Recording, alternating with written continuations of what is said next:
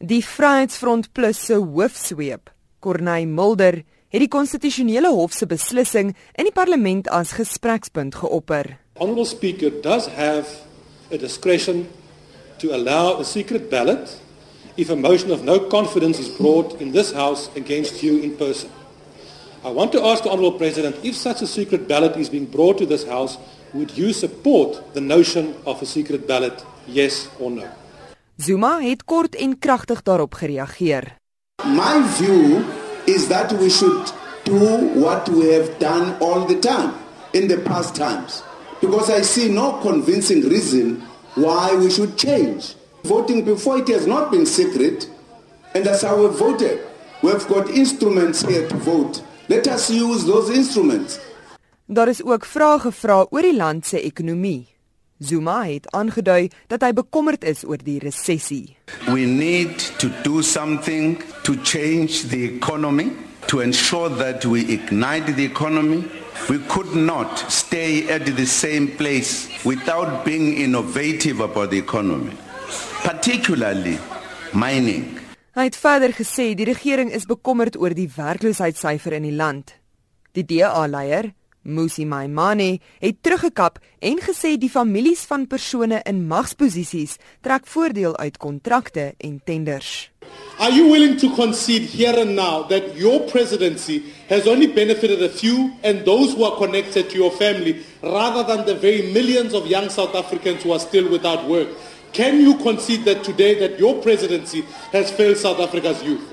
Zuma sê hy het nooit sy sakeman seun Duduzane Zuma gehelp om enige kontrak los te slaan nie. You can't single out a young person, one person and victimize the person because he's a son of the president. It's not correct. It's not fair.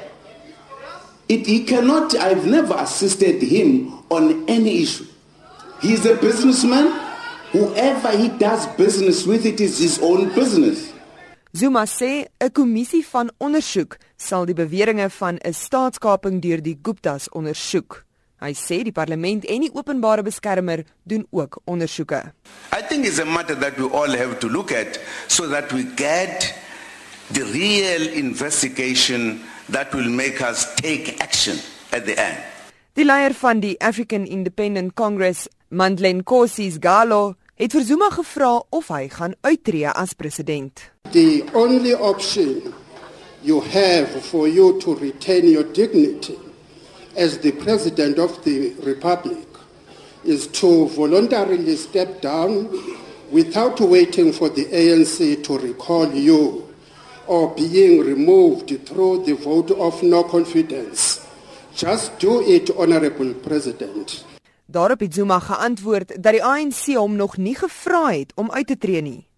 Daar was 'n paar besware en die ANC parlementslid, Makgotsatso Payeka-Pelane, het gesê van die vrae is nie parlementêr van aard nie.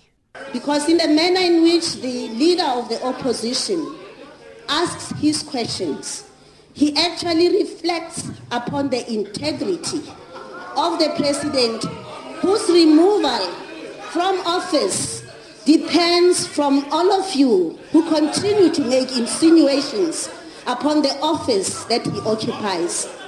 Die EFF het nie die vraag en antwoord sessie bygewoon nie. Die verslag deur ons parlementêre verslaggewer Lulama Macha. Ek is Henry Wondergem vir SAK nuus.